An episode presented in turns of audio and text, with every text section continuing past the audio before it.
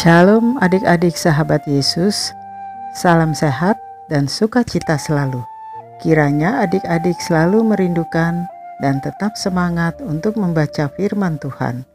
Renungan kita hari ini terambil dari bacaan Alkitab Kejadian 39 ayat 20 sampai 23. Sebelum membaca firman Tuhan, mari kita berdoa mohon pimpinan Roh Kudus. Bapa di surga, Terima kasih atas pemeliharaan dan berkatmu setiap hari. Saat ini kami mau membaca dan merenungkan sebagian dari firman-Mu. Pimpinlah kami untuk mengerti akan kebenaran firman-Mu dan mampukan kami boleh melakukan firman-Mu dalam kehidupan kami tiap hari. Dalam nama Tuhan Yesus, amin. Adik-adik, mari kita membaca firman Tuhan bersama-sama ya. Kejadian 39 ayat 20 sampai 23. Lalu Yusuf ditangkap oleh tuannya dan dimasukkan ke dalam penjara, tempat tahanan-tahanan raja dikurung. Demikianlah Yusuf dipenjarakan di sana. Tetapi Tuhan menyertai Yusuf dan melimpahkan kasih setianya kepadanya dan membuat Yusuf kesayangan bagi kepala penjara itu. Sebab itu, kepala penjara mempercayakan semua tahanan dalam penjara itu kepada Yusuf, dan segala pekerjaan yang, diha yang harus dilakukan di situ, dialah yang mengurusnya. Dan kepala penjara tidak mencampuri segala yang dipercayakannya kepada Yusuf, karena Tuhan menyertai dia, dan apa yang dikerjakannya dibuat Tuhan berhasil. Sampai di sini pembacaan Firman Tuhan, adik-adik.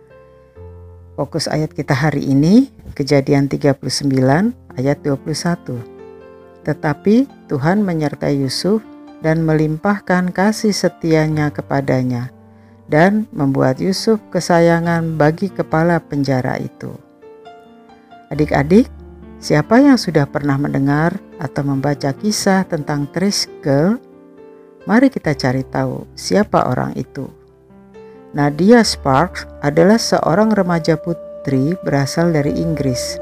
Ternyata julukan Triskel atau gadis sampah ditujukan kepada Nadia Sparks. Kenapa dia dijuluki gadis sampah? Karena Nadia mempunyai kebiasaan untuk mengut sampah dalam perjalanan berangkat maupun pulang sekolah. Nadia rela meluangkan waktu satu jam lebih awal saat berangkat ke sekolah karena ia berpikir akan bisa memungut banyak sampah.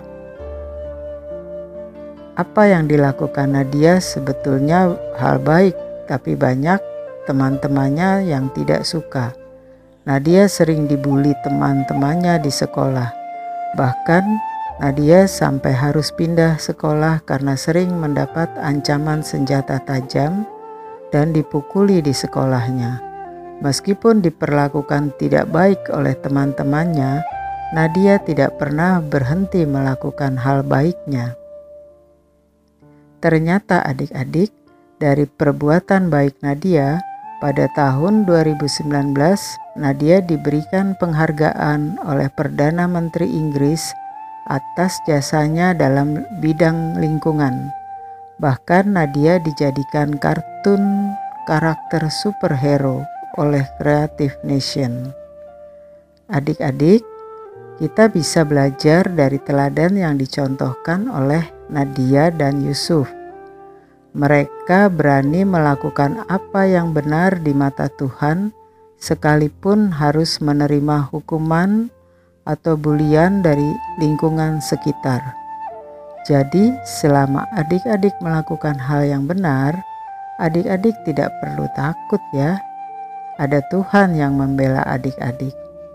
Dari kisah Nadia dan Yusuf, adik-adik juga bisa melakukannya karena selama adik-adik melakukan hal benar di mata Tuhan, adik-adik akan selalu dilindungi Tuhan. Adik-adik juga harus selalu rendah hati dan berani melakukan yang baik dan benar.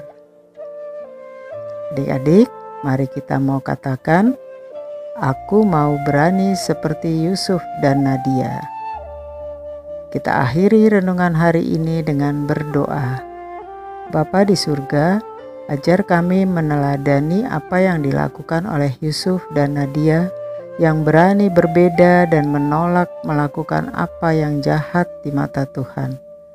Terima kasih ya Tuhan, dalam nama Tuhan Yesus, amin.